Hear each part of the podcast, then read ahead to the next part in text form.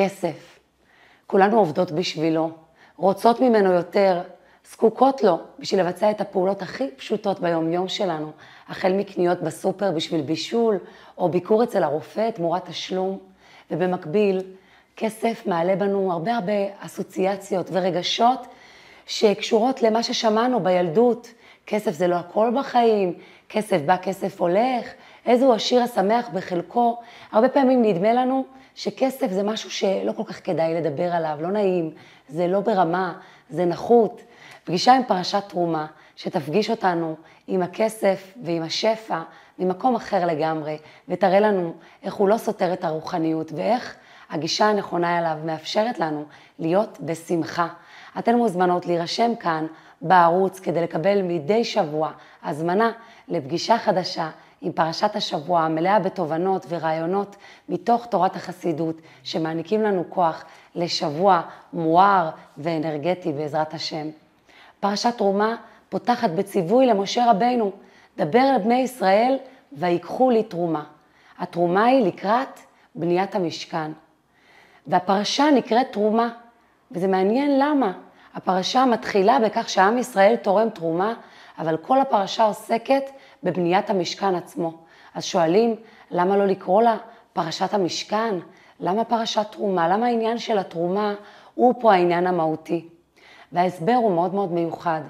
אנחנו כבר זכינו להשראת השכינה, להתגלות השכינה במעמד הר סיני. אלוקים התגלה בעולם עד כדי כך שכל העולם השתתק, ציפור לא צייצה, שור לא נגח, כל בעלי החיים, כולם השתתקו, הם פשוט היו בשוק מההתגלות האלוקית. העולם כאילו נעצר. ואילו כאן, כשנבנה המשכן, כדי שאלוקים ישכון בתוכו, זה מגיע ממקום אחר לגמרי. הפעם זה מגיע מתוך הפעולה של עם ישראל, מתוך זה שהם נותנים את התרומה. הרי לאלוקים יש הכל. למה הוא צריך את התרומה שלנו? כי הוא רוצה שאנחנו נשרה את השכינה. ומה ההבדל בין התגלות השכינה כשהיא באה מלמעלה, כמו במעמד הר סיני, בלי שום מאמץ של האנשים, של היהודים שחיים בעולם, לבין כאן המשכן שנבנה על ידי תרומות של כל עם ישראל, ואלוקים שוכן בתוכו. ההבדל הוא שכשהשכינה שורה והיא באה מלמעלה, בלי שום פעולה של אנשים כאן בעולם, אז העולם כאילו לא מוכן, ולכן בזמן התגלות השכינה הוא משתתק, הוא נדם. ואילו כשהשכינה שורה במשכן, וזה מה שאנחנו נראה בהמשך, על ידי התרומה, על ידי הפעולה האקטיבית של עם ישראל, העולם לא משתתק, הוא מזדכך, הוא נהיה חלק, הוא נהיה משכן, הוא נהיה מקום שבו אלוקים יכול לשכון. כולם ממשיכים בפעולות שלהם, בעשייה שלהם, במקביל לכך שאלוקים שורה במשכן. אבל הניסוח נראה מוזר. מה זה ויקחו לי תרומה? קודם כל, ויקחו, ויתנו, הרי אנחנו נותנים. ולי, למי אנחנו נותנים? להשם, ויקחו לי? והתשובה היא, ויש פה כמה תשובות, שכל אחת מהן היא ממש שיעור איך להתייחס לנתינה, איך להתייחס לשפע שיש לנו. ויקחו לי, זה אומר שכשאני נותנת, אני בעצם לוקחת. הרבה פעמים מדברים עם בן אדם שמתנדב באיזה ארגון, שעסוק בנתינה, והוא אומר, יותר משאני נותן, אני מקבל. וזה נדמה לנו משפט נורא נורא גבוה, אבל זו האמת. אלוקים ברא את העולם בצורה כזו, שמי שנותן, הוא גם מקבל. ויש כאן איזו מעגליות כזאת, ולכן אם יש לנו לפעמים איזו הסתכלות שלא נעים לי, אם אני נמצאת במצב שצריך לתת לי, או אני חושבת שאני ואפסי, אני שווה מאוד הרבה, כי אני עכשיו בנתינה למישהו אחר, באה התורה ומראה לנו שמי שנותן ומי שלוקח הם באותו מעגל, כי אלוקים ברא את העולם בצורה כזאת, שיהיו את האנשים שצריכים שיעזרו להם, ויהיו את האנשים שיש להם אפשרות לעזור. ולא רק שזה מעגלי באותה תקופה, אלא הרבה פעמים זה משתנה. אתה יכול להיות במצב שאתה נותן, ואחרי כמה זמן אתה צריך לקבל, ולאו דווקא בכסף. אני זוכרת תקופה שפתאום חליתי, וממקום של מישהי שמחלקת מנות שמבשלים ליולדות, הייתי צריכה אני עצמי לקבל את האוכל שבישלו עבורי, והיה לי מאוד קשה, והייתי צריכה ממש לעבוד על עצמי ולהסביר שבעצם זה חלק מאותו מעגל. פעם את נותנת, ופעם את מקבלת. אין כאן שום הבדל. זה לא שכשאת נותנת את במקום גבוה יותר, וכשאת מקבלת את במקום נמוך, לא. את באותו מקום, ואת בטלה לתפקיד שהשם נתן לך. עכשיו הוא שם אותי במקום שנותן, ועכשיו הוא שם אותי במקום שמקבל. ותכף גם נראה שגם כשאני במקום המקבל, יש לי מה לתת במקומות אחרים. וגם כשאני במקום הנותן, יש את התחומים שבהם אני מקבלת. ואם נסתכל על זה בצורה הנכונה, יהיה לנו הרבה יותר קל ובריא גם לתת וגם לקבל. ויקחו לי תרומה. ויקחו לי תרומה מראה לנו שאני לוקחת תמיד מהשם. זאת אומרת, גם אם יש לי עכשיו שפע, ונכון שאני עשיתי את ההחלטה לעזור לאדם מסוים או לתרום לארגון מסוים, אבל אני צריכה לזכור במקביל שממי קיבלתי את השפע הזה? מהשם. באותה מידה הוא יכל לבחור שאותו אדם עכשיו שאני נותנת לו, הוא יהיה בעל השפע, ואני אהיה זאת שנזקקת והוא יעזור לי. וכשאני זוכרת את זה, אני נותנת ממקום אחר לגמרי. אני זוכרת שהייתה לי תקופה בחיים שעזרתי לאדם מסוים, אבל היה לי ביקורת עליו, על השימוש שהוא עושה במה שנתתי לו. וזו הייתה נתינה שהיא לא עשתה לי הרגשה טובה, כי היה בה ביקורת והיה בה איזו התנשאות, כי אני חשבתי שאני נתתי, אז יש לי איזו דעה, מה אותו אדם אמור לעשות בכסף, להשתמש בו כך או אחרת, מה מותר לו לאפשר לעצמו כשהוא נזקק לעזרת אחרים. ואחרי כמה זמן חטפתי איזה ניסיון לא פשוט, שגרם לי להיזכר באותם המחשבות שלי על אותו אדם, והבנתי שיעור מאוד מאוד חשוב. אם את נותנת לאדם, אז תתני ממקום של ביטול. ברגע שאת נותנת והאגו שלך שם, הנתינה הזאתי היא לא נקייה לגמרי, ואז יש לך ביקורת על מה שהוא עושה, ואז יש לך גם ציפיות שיעריכו אותך, שיודו לך, שיחמיאו לך, שייתנו לך כבוד. וכשיש ציפיות כאלה, וכשיש ביקורת כזאת, אין באמת שמחה בנתינה. ויכול להיות שגם אותו אדם, נכון שנתת לו, אבל הוא לא קיבל את זה בצורה החיובית כמו שהוא יכל לקבל. יש כל מיני דרגות של נתינה. אפשר לתת במרמור, אפשר לתת עם ביקורת, ואפשר לתת בנתינה כזאת שאומרת, אני בסך הכל זכיתי להיות הפעם זאת שנותנת, פעם הבאה אתה תיתן, העולם הזה הוא גלגל. ואז האדם השני מקבל הרגשה טובה, הוא מקבל את זה ממקום גבוה, ויקחו לי תרומה. את לוקחת מהשפע האינסופי של השם ונותנת לאותו אדם, והוא מרגיש שזה ניתן לו מהמקום הזה, והוא מקבל את זה באהבה, וזה לא רק עוזר לו כלכלית, זה עוזר לו גם נפשית, זה מתקבל בצורה חיובית, זה מרומם אותו. אז בכל זאת, מה, אני אמורה לא לצפות משום מקום כשאני נותנת? ויקחו לי תרומה. את לוקחת ממנו, תצפי ממנו שהקדוש ברוך הוא ישלם לך, הוא יחזיר לך על הצדקה, הוא יעריך אותך. אל תצפי שאנשים סביבך, הם יעריכו, הם ייתנו לך כבוד, כי הציפיות האלה, הם תמיד לא יגשימו את עצמם.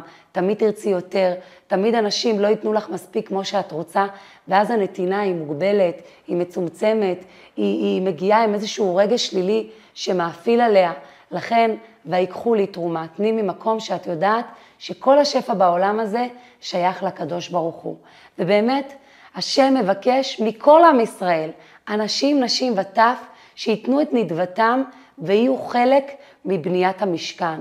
ונשאלת השאלה איך זה יכול להיות.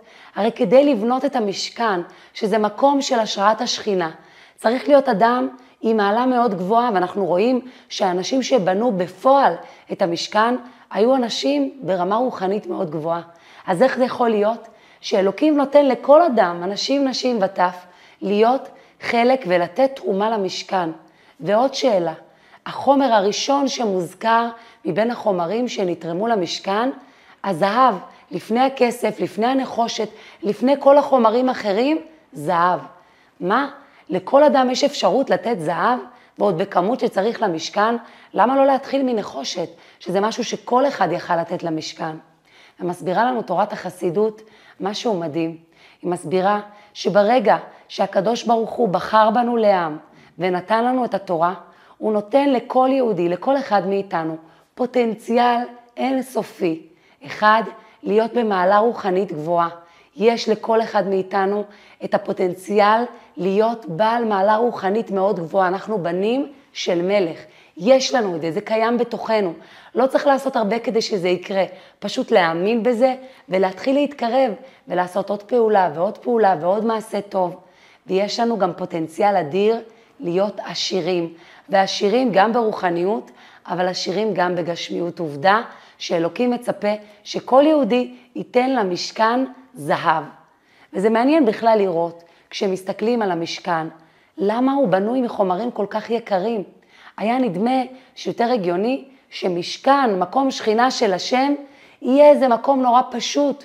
הרי כל אחת מאיתנו, אם היא שומעת על איזה אדם נורא נורא צדיק, שכל היום עובד בעבודה רוחנית, ופתאום באים ואומרים לה שהוא חי בארמון, והוא אוכל רק מכלי זהב, פתאום נהיה קצת איזה מבט קצת חשדני, כי אם הוא כל כך רוחני, איך יכול להיות שהוא חי בארמון ושהוא שהוא אוכל מכלי זהב? כאילו, אם אתה כל כך רוחני, איך זה מתחבר לגשמיות כל כך מפוארת, כל כך...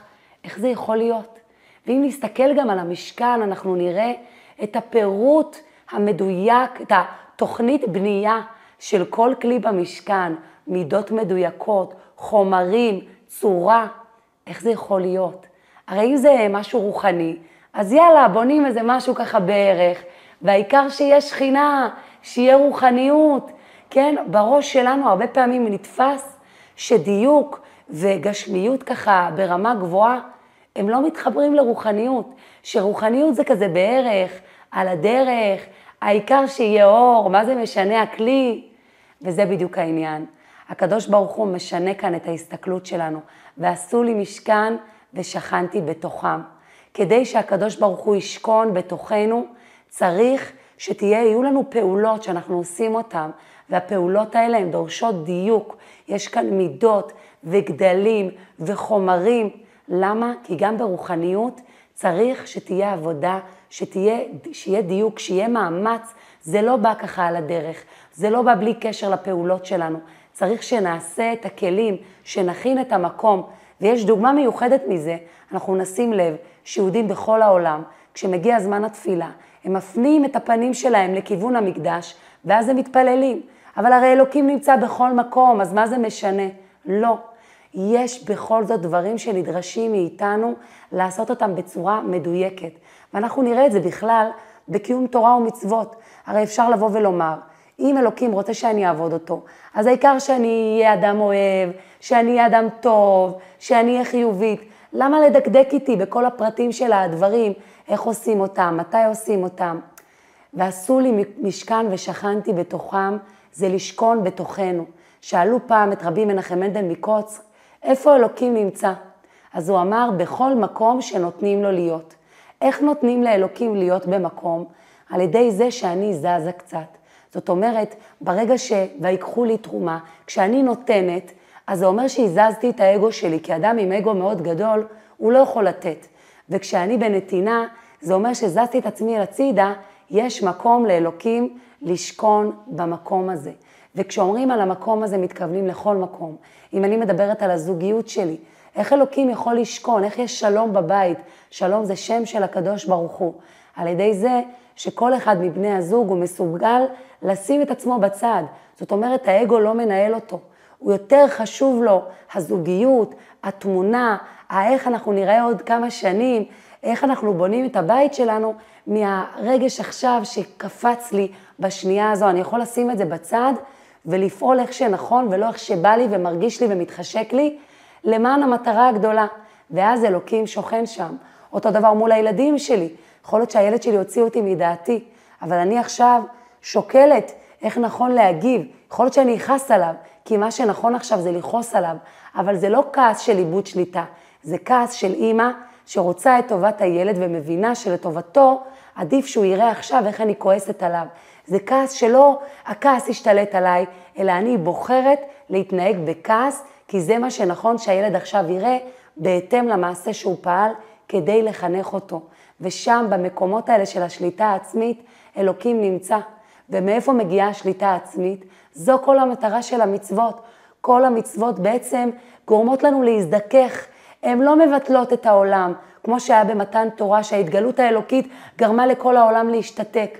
לא, הן גורמות לכך שהקדושה היא שוכנת בתוכנו, הן מזככות אותנו ואת העולם. ואיך זה קורה? על ידי זה שאני לא מתעלמת מהצרכים שלי, אלא אני קודם כל חושבת מה השם רוצה. לדוגמה, אני קמה בבוקר ובא לי לפתוח את הפלאפון שלי, אבל אני יודעת שאני קודם כל צריכה ליטול ידיים ולהגיד מודה אני. אז כבר האימפולסיביות שלי, האינסטינקטים שלי, יש איזה משהו שמרגיע אותם. אחר כך אני אגש ואני אעשה מה שאני רוצה, זה כבר ממקום אחר. אני רוצה עכשיו להכניס את התפוח לפה, אבל רגע, אני צריכה לבדוק שהוא כשר, שהוא, אה, אה, אם זה בשנת שמיטה, אם זה ב, ב, שלמי הוא שייך, אם אני יכולה לאכול אותו, לברך עליו. אז זה עוצר אותי וזה מילדות. זה אגב מדהים, אחד, אחת הדוגמאות הכי אהובות עליי, זה שאנחנו מגיל מאוד קטן מלמדים את הילדים לתת צדקה, וכל ילד שלי בתור שלו, בגיל קטן עד גיל שנתיים-שלוש, איך הוא קורא, קורא לכסף? הוא אומר צדקה. הוא לא יודע שקוראים לזה כסף בכלל. למה? כי הפעולה הראשונה שבה הוא נפגש עם מטבע זה לתת צדקה, זה לתרום. וזה היופי, ויקחו לי תרומה. שאנחנו מתנהלות בצורה הזאת, שהנתינה היא במוקד, והנתינה למען הקדוש ברוך הוא היא הדבר הראשון, זה הופך אותנו למשכן, למקום שבו אלוקים יכול לשכון. ובאמת שואלים, למה כל כך מפרטים לנו את המידות של המשכן, את הבנייה שלו? הרי הוא היה זמני. מילא בית המקדש, שאחר כך יהיה גם בית המקדש השלישי שאנחנו מחכים לו. הרי יש גם כל מיני שינויים בין המשכן למקדש. אז למה כל כך חשוב שנדע את כל המידות שלו, את אופן הבנייה שלו? והתשובה היא, בגלל שהמשכן הוא רק משל למשכן הפנימי שבתוכנו. כל אחת יכולה ליצור בתוכה משכן להשם. היא יכולה להפוך את הבית שלה למשכן להשם. איך? על ידי זה שיש בבית כל הזמן כל מיני דברים ופעולות שקשורות לרוחניות. זאת אומרת, יש בבית שפע, אין בעיה, אבל בשפע הזה משתמשים שפעם בשבוע יש שיעור תורה ומביאים כיבוד. יש בבית ספרים, יש הרבה ספרי קודש, מבשלים משהו, חושבים גם לתת לשכן, לשכנה. זה העניין, שתמיד נהיה בנתינה. ולמה זה כל כך חשוב? היום גם מחקרים פסיכולוגיים מראים שאדם שנמצא בדיכאון, אדם שנמצא במשבר, צריך למצוא עבורו מישהו שהוא יוכל לעזור לו. ברגע שאני נמצאת בנתינה, ברגע שיש מישהו שאני יכולה לעזור לו, גם כשאני במצבים קשים, כל עוד אני יכולה לתת, יש לי איזשהו ערך עצמי, יש לי איזשהו גובה, איזושהי זקיפות קומה שהיא כל כך חשובה. היום אפילו כשמדברים על הגיל השלישי, מדברים על זה שאחד הדברים שהכי מחזיקים אנשים בזקנה, זה התחושה שצריכים אותם, זה היכולת לתת. זאת אומרת, אם יש איזו קשישה ואנחנו מתקשרים אליה, מבקשים ממנה מתכון, מבקשים ממנה שתספר לנו על משהו בילדות שלה, כי זה יעזור לנו לאיזו עבודה שאנחנו מגישות, אנחנו מחיים אותה. כי מה היא רוצה להרגיש? שהיא עדיין יכולה לתת. נתינה שמה אותנו במקום גבוה. נתינה מאפשרת לנו להיות בשמחה. ולפעמים אפשר ליצור את הנתינה הזו באופן פיקטיבי. זה לא באמת שאני צריכה אותה, אבל אני נותנת לה לתת. היש נתינה גבוהה יותר מזאת, שאני נותנת למישהי להרגיש שהיא יכולה לתת. זאת אומרת, גם אני נותנת וגם היא נותנת, והיא לא יודעת שבאמת לא הייתי צריכה את הנתינה שלה, אבל הרמתי אותה כל כך גבוה, נתתי לה את ההרגשה, התייעצתי איתה, שאלתי אותה, ביקשתי ממנה משהו שיש לה, כדי שהיא תרגיש שהיא עדיין יכולה לתת. וזה מדהים כמה היכולת לתת, היא מרימה את האדם, נותנת לו שמחה, נותנת לו תקווה, נותנת לו תחושת משמעות. וזה יפה שאנחנו תמיד פוגשות את פרשת תרומה בתחילת חודש אדר. משנכנס אדר, מרבים בשמחה. מעניין שכשנכנס אדר, מרבים בשמחה, כתוב ממש ליד למי שנכנס אב, ממעטים בשמחה. מה הקשר לשים את זה אחד ליד השני? יש כל מיני הסברים, אבל אחד ההסברים שאני מתחברת אליהם, זה העובדה שבעצם מראים לנו פה שיש לנו יכולת לנהל את הרגשות שלנו. מי שנכנס אב ממעטים בשמחה. רגע, ואם זה תופס אותי בדיוק בתקופה הכי שמחה בחיים שלי? מי שנכנס אדר מרבים בשמחה. ואם זה תופס אותי בתקופה הכי הכי עצובה בחיים שלי? אז בא הקדוש ברוך הוא ואומר, את יכולה לנהל את הרגשות שלך. את יכולה למעט את השמחה באב, ואת יכולה להרבות שמחה באדר. זה בידיים שלך. והוא אומר לנו עוד דבר, שמחה והיעדר שמחה זה לא עניין אובייקטיבי, זה קשור הרבה בתפיסת העולם שלך. לכל אחת מאיתנו יש דוגמה מהחיים שלה על תקופה שהיה לה קשה אובייקטיבית, והיא הייתה מה זה בשמחה ובטוב, וניהלה את הרגשות שלה נכון, ולעומת זאת יש לנו תקופות שהכל היה טוב והכל היה בסדר, ואנחנו היינו בעצבות. זאת אומרת שהשמחה הרבה הרבה הרבה תלויה בהתנהלות שלנו, בהסתכלות שלנו. אז פרשת תרומה נותנת לנו כמה טיפים איך להיות בשמחה, ובזה אנחנו ככה נתמקד לסיום. תכלס, הנה, מי שנכנס אדר, מרבים בשמחה, איך אני יכולה להרבות בשמחה?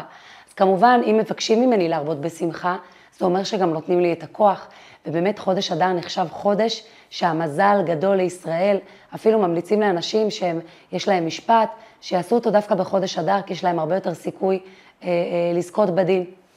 אבל קודם כל יש לנו את הטיפ של ויקחו לי תרומה, לתת, למצוא מה אני יכולה לתת, את מי אני יכולה לשמח, וגם בתקופות של קושי כלכלי אפשר למצוא מה לתת, עצה, מילה טובה, שיחה, אה, אה, אה, ידע שיש לנו, ממש לחלוק אותו עם העולם, אהבה, יש לנו הרבה הרבה מה לתת, אז לתת כמה שיותר להיות בנתינה, ונתינה משמחת אותנו. כשאנחנו משמחים אדם אחר, זה משמח גם אותנו.